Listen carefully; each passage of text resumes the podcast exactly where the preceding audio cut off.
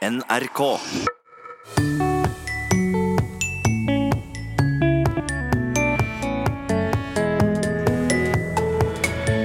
Ungdom som spiller mye dataspill, blir bedre i engelsk. Fritidsinteresser er avgjørende for leseferdighetene, mener forsker. Alle forteller at det er engelsk på fritiden som har gjort dem til gode lesere. Og den eh, årsaken som eh, kommer tydeligst fram, det er online gaming. Og de er svenske, men prater på en måte nesten ingen svensker forstår. Uh, Ildrockgrever. Hva er det? Smilgroper. Brint kyr. Hva er det? Elgko. Men er elvdalsk språk eller dialekt? Vel møtt til Språkteigen. Først i Språkteigen i dag skal vi inn i en verden mange voksne kjenner lite til. Hello, team. Hello. Hello. Ok, boys. Dette er Magnus som hilser på laget sitt i online-spillet Counter-Strike Global Offensive. De han spiller med, kan være fra hele verden, så kommunikasjonen går på engelsk. I mean, he's basically basically carrying the team, so if we manage to take him out, we should be good.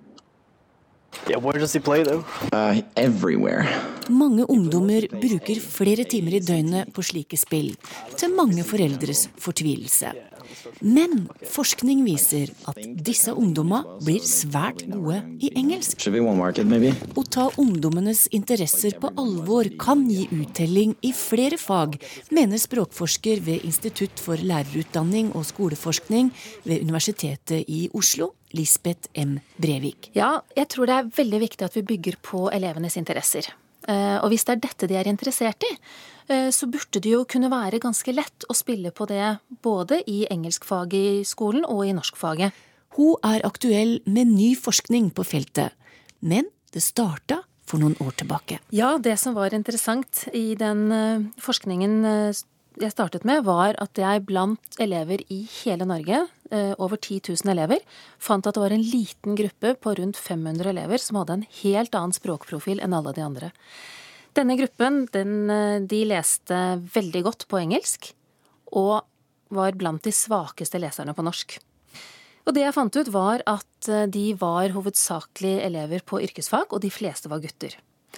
Så da tok jeg kontakt med eh, to forskjellige skoler i helt ulike kanter av Norge, og identifiserte den samme eh, gruppen elever, altså sterke lesere på engelsk og svake på norsk, og intervjuet dem.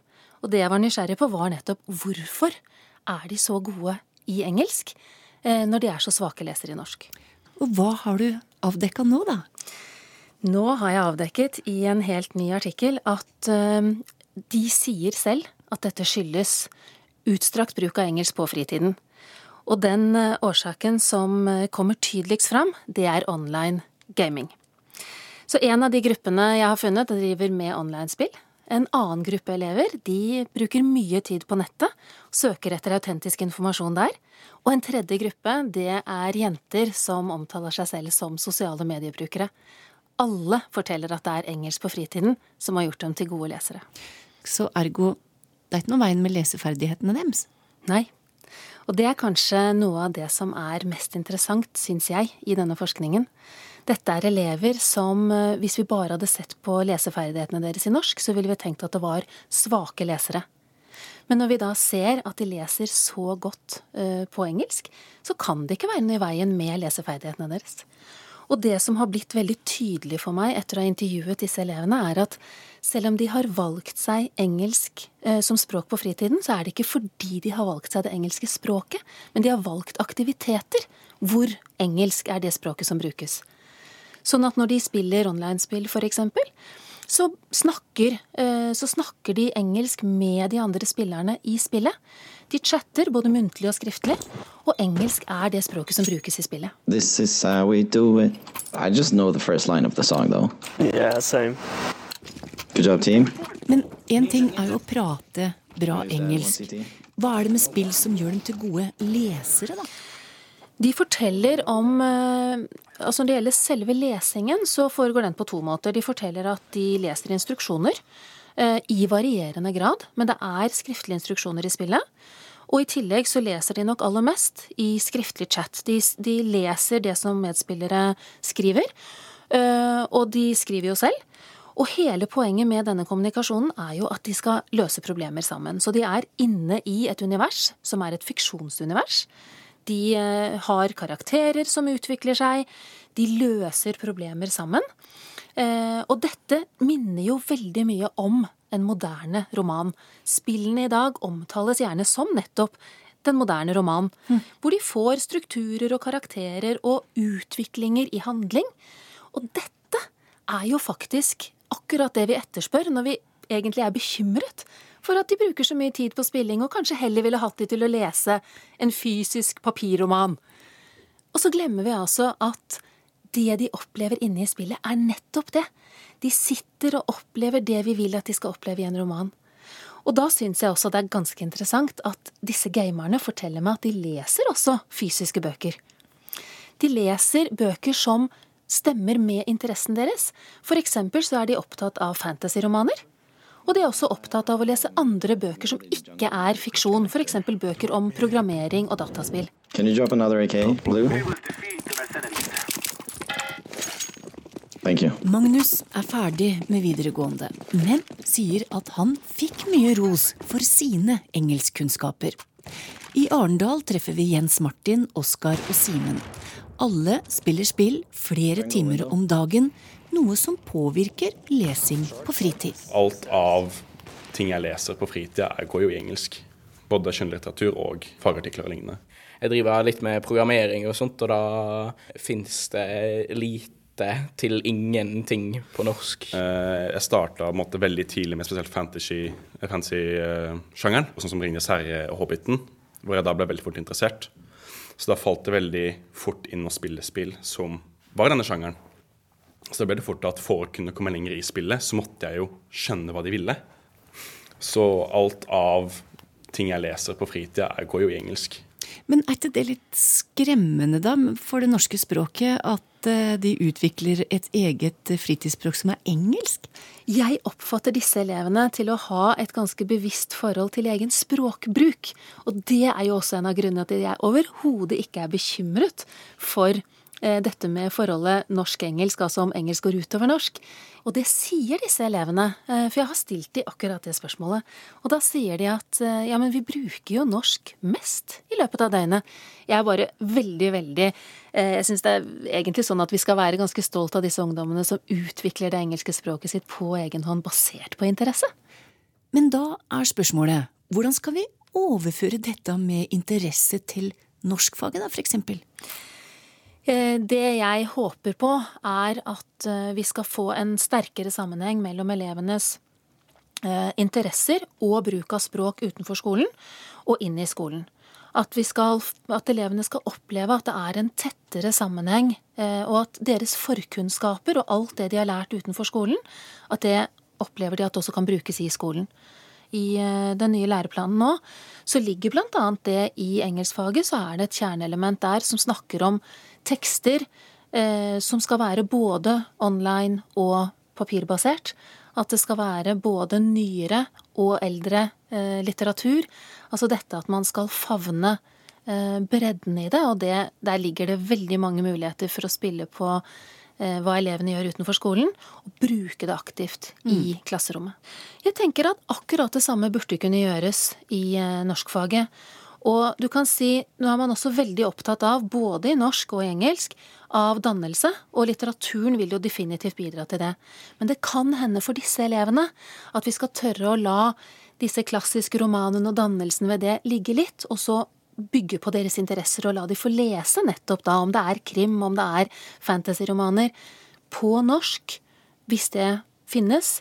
Og det gjør det jo, men altså, det må, det må finnes. De mm. må snakke om det, og de må finne det sammen. Det burde absolutt være mulig. Da må det rett og slett eh, skrives mer litteratur om disse tingene. Det må skrives mer eh, eh, innhold og eh, sånt som er relaterbart for typisk gamere. Eh, da kan man eh, f.eks. lage magasiner. Det har jo vært prøvd eh, tidligere. Og eh, også skjønnlitteratur, da som eh, brygger på, eh, på, karakterer fra de store spillene. Altså, du ser jo både at mattefaget har jo eh, klart å måtte, flytte seg framover. Tror det var til og med fra 2020 så skal koding bli en del av mattefaget. Og det gjør jo da at da ser man jo at ok, matteundervisninga har skjønt at de må forandre på seg, mens der tror jeg kanskje norsken henger litt igjen. Og når du da spør om dette med norsk, det er flere av de jeg har intervjuet, av disse jentene, som da er sosiale mediebrukere og bruker mye engelsk gjennom Netflix og engelske serier, som også sier at de så på Skam, f.eks. Eh, og da er jo det fordi den serien fenger, ikke fordi den er på norsk. Lisbeth M. Brevik er språkforsker ved Universitetet i Oslo, og vi var med Magnus inn i Counter-Strike. Well played, team. Well played.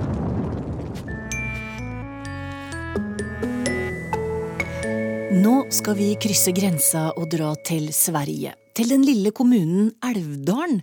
Der prater de på en måte som svensker ellers ikke forstår.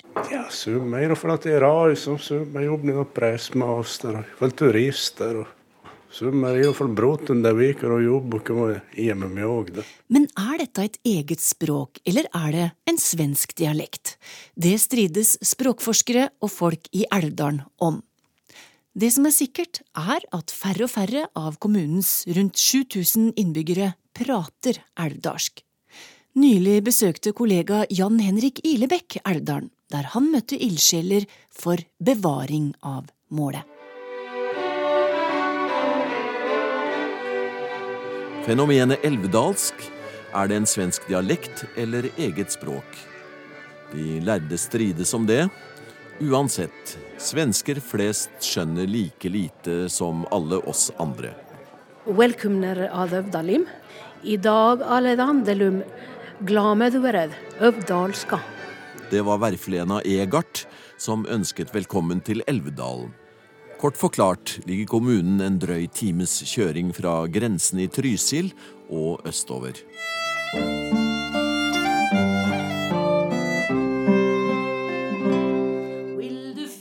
Anslagsvis er det 2500 mennesker som har elvdalsk som morsmål. Det pågår en kamp for å bevare dialekten. De svenske språkmyndighetene mener det er en svensk dialekt.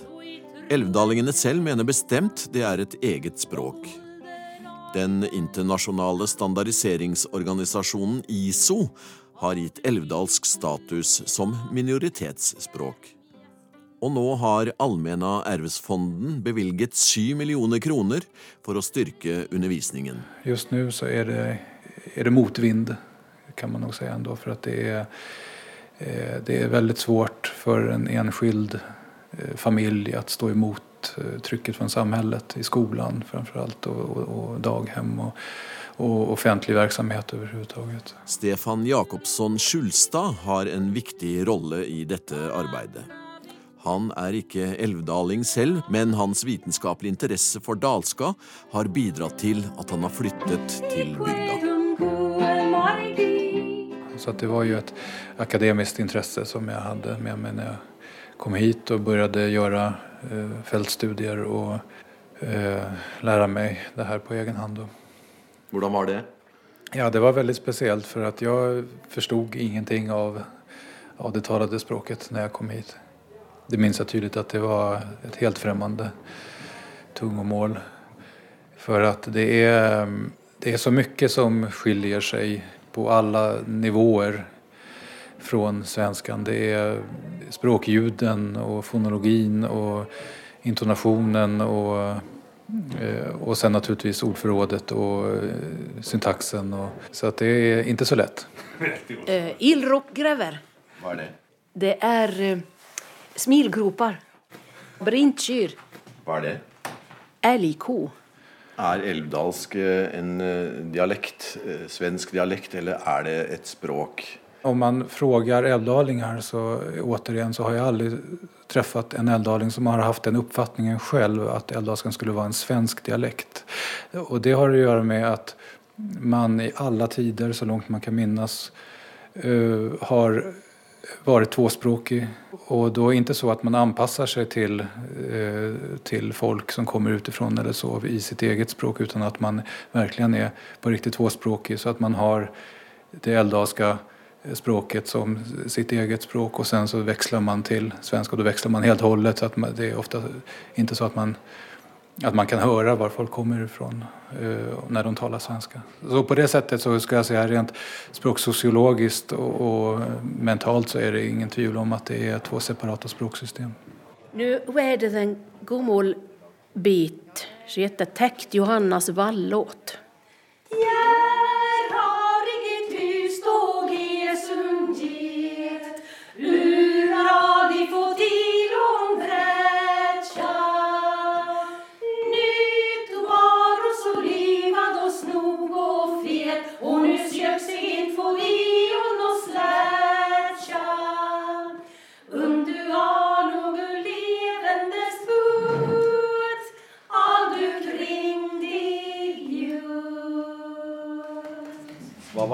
I den? Om jag säger det på svenska? Ja, du må Här, här har jag en tyst och ensam get.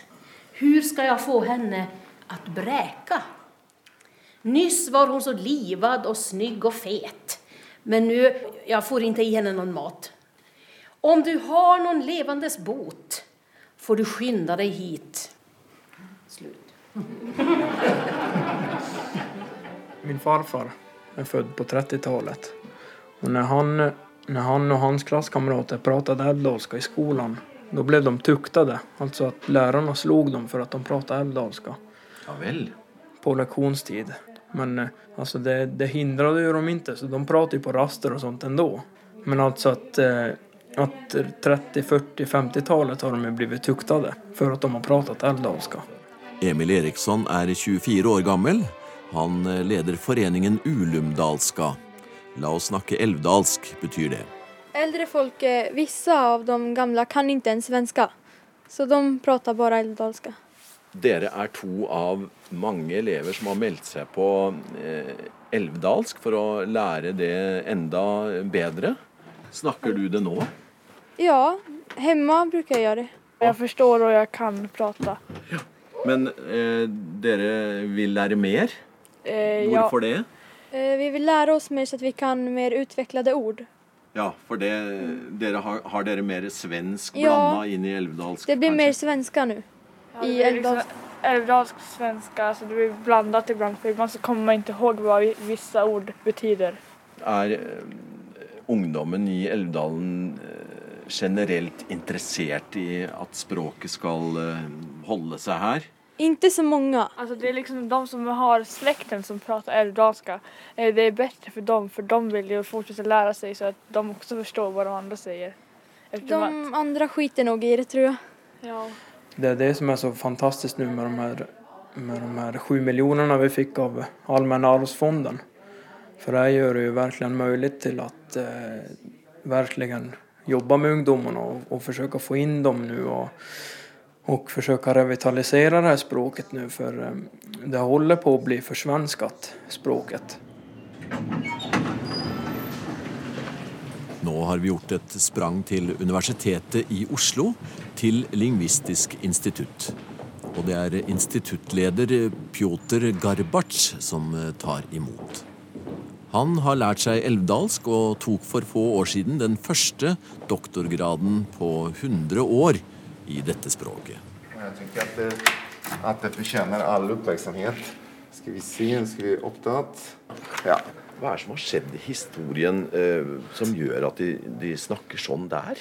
Man skulle kunne stelle seg samme fråga for alle dialekter i Sverige og si ok, hvorfor har vi ikke ulike, veldig avvikende varieteter over hele landet? Og for å forsøke seg på noen forklaring her, så skulle man behøve gå tilbake till medeltiden och den fornsvenska tiden, det vill säga gammelsvensk som det hade hetat på norska. Där har man en variation naturligtvis. Svenska som man pratar sig på 1000-talet, 1100-talet, eh, det är ju inte samma svenska över hela landet utan det finns en geografisk variation där. Och i Dalarna så har man ganska bra industri på den tiden, alltså i, i, eh, efter förhållandena. Eh, och ganska bra ekonomisk utveckling. Det betyder att eh, folk flytter in, at de har bra levnadsvillkor, kan fortsette leve, kan fortsette utvikles. Og så efter den gode tiden på medeltiden så kommer det en svacka eh, senere. Det betyder at de har det ganske dåligt ekonomisk. Og for å kunne overleve så behøver de holde ihop veldig mye.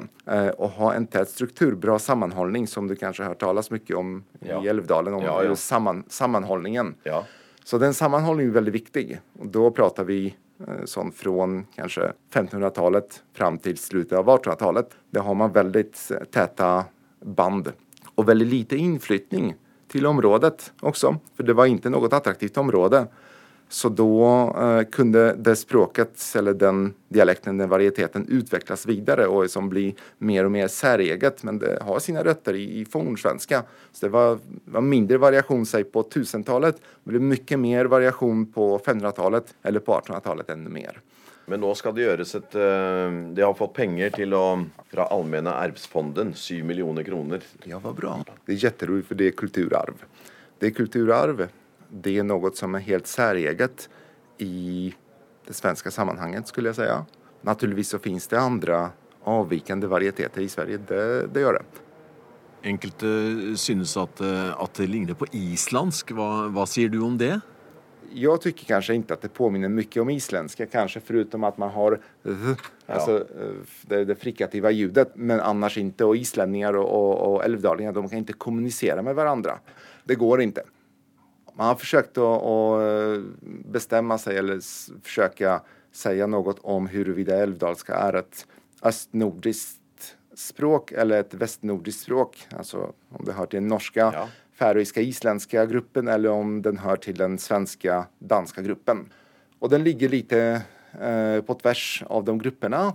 Vi kan i alla fall enas om at den ligger lite i mitten. Plus at vi, når vi oppfatter älvdalska som mer eh, åt det norska hållet eller mer åt det svenska hållet så har vi dagens förhållande att förhålla oss til. For vi vet ikke, eh, eller vi har ikke present for oss, hur svenskan lät på 1200-talet og hur norskan på andra sidan lät på 1200-talet. De kanskje var litt mer lika også. For meg så låter älvdalska avvikande, kanske gammaldags, men någon som sa att älvdalska låter eller smakar blod och hedendum i munnen. eh, och det är, liksom, det är hemskt att säga. Men eh, jag, tyck, jag tycker att det var ett komplimang och att man ville, ville säga att det är något som är arkaiskt, som är lite, lite okänt. Eh, och jag kan skriva under på det. Absolut. Att det är arkaiskt, okänt och väldigt vackert. Det sa Pjotr Garbac, som er leder på Lingvistisk institutt ved Universitetet i Oslo, og som har en doktorgrad på elvdalsk. I reportasjen hørte vi òg 13 år gamle Olivia Morin og Victoria Frost, og musikken var det Elvdalen Spellemannslag som sørga for. Reporter i Elvdalen, Jan Henrik Ilebekk.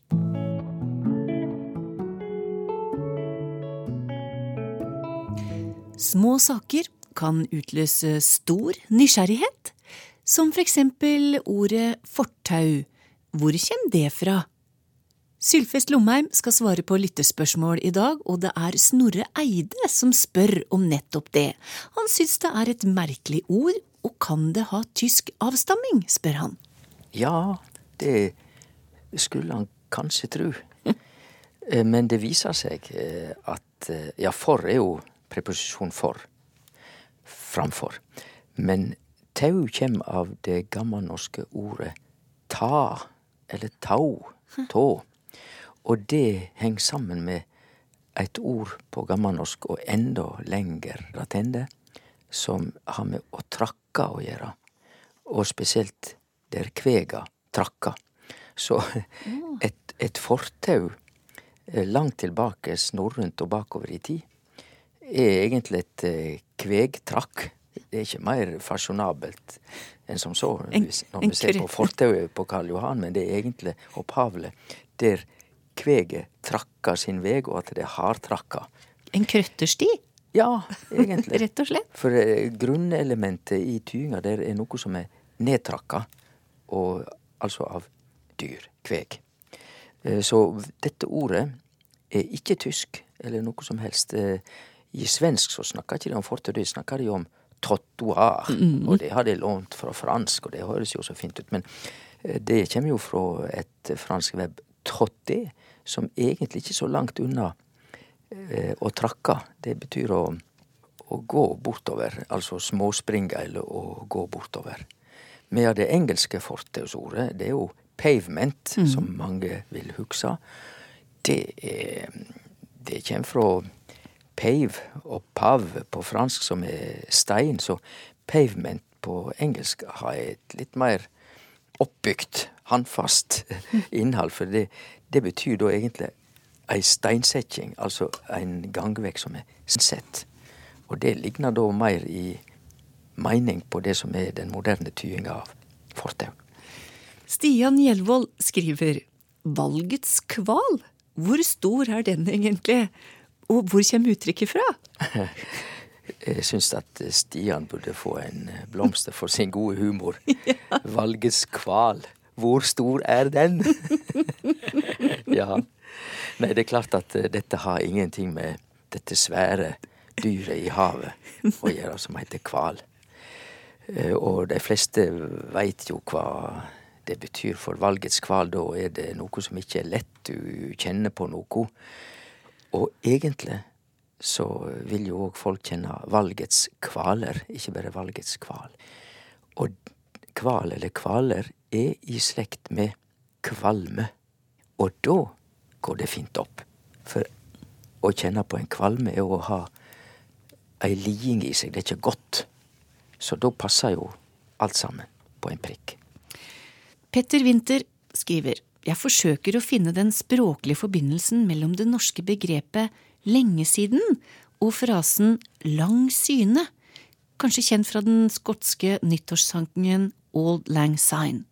Jeg antar at det er en forbindelse ettersom det betyr det samme og høres likt ut, men jeg klarer ikke å google meg fram til en konkret etymologisk sammenheng. Er det en sammenheng, Sylfest? Ja, så vidt jeg kan forstå, så er det absolutt det. Men dette er ikke lett å finne i, i vanlige ordbøker. Men, men denne kjente sangen til Robert Burns, den skotske nasjonaldikteren, må vi nesten kalle han, eh, det er jo Old Lang Sign. Og det blir skrevet som du sa, syne. S-y-n-e. Ja. Old er jo greit nok, det er gammel. Og lang er jo selvsagt long. Og så er det S-y-n-e, da. Syne. Men her må jeg holde fast på uttalen. For når en skotte sier sain, så kan han godt i skrift framstille det som S-y-n-e, for det vil jo da kunne uttales sain. Men det er uttalen som er nøkkelen her, for sain er ikke langt unna sian. Sian.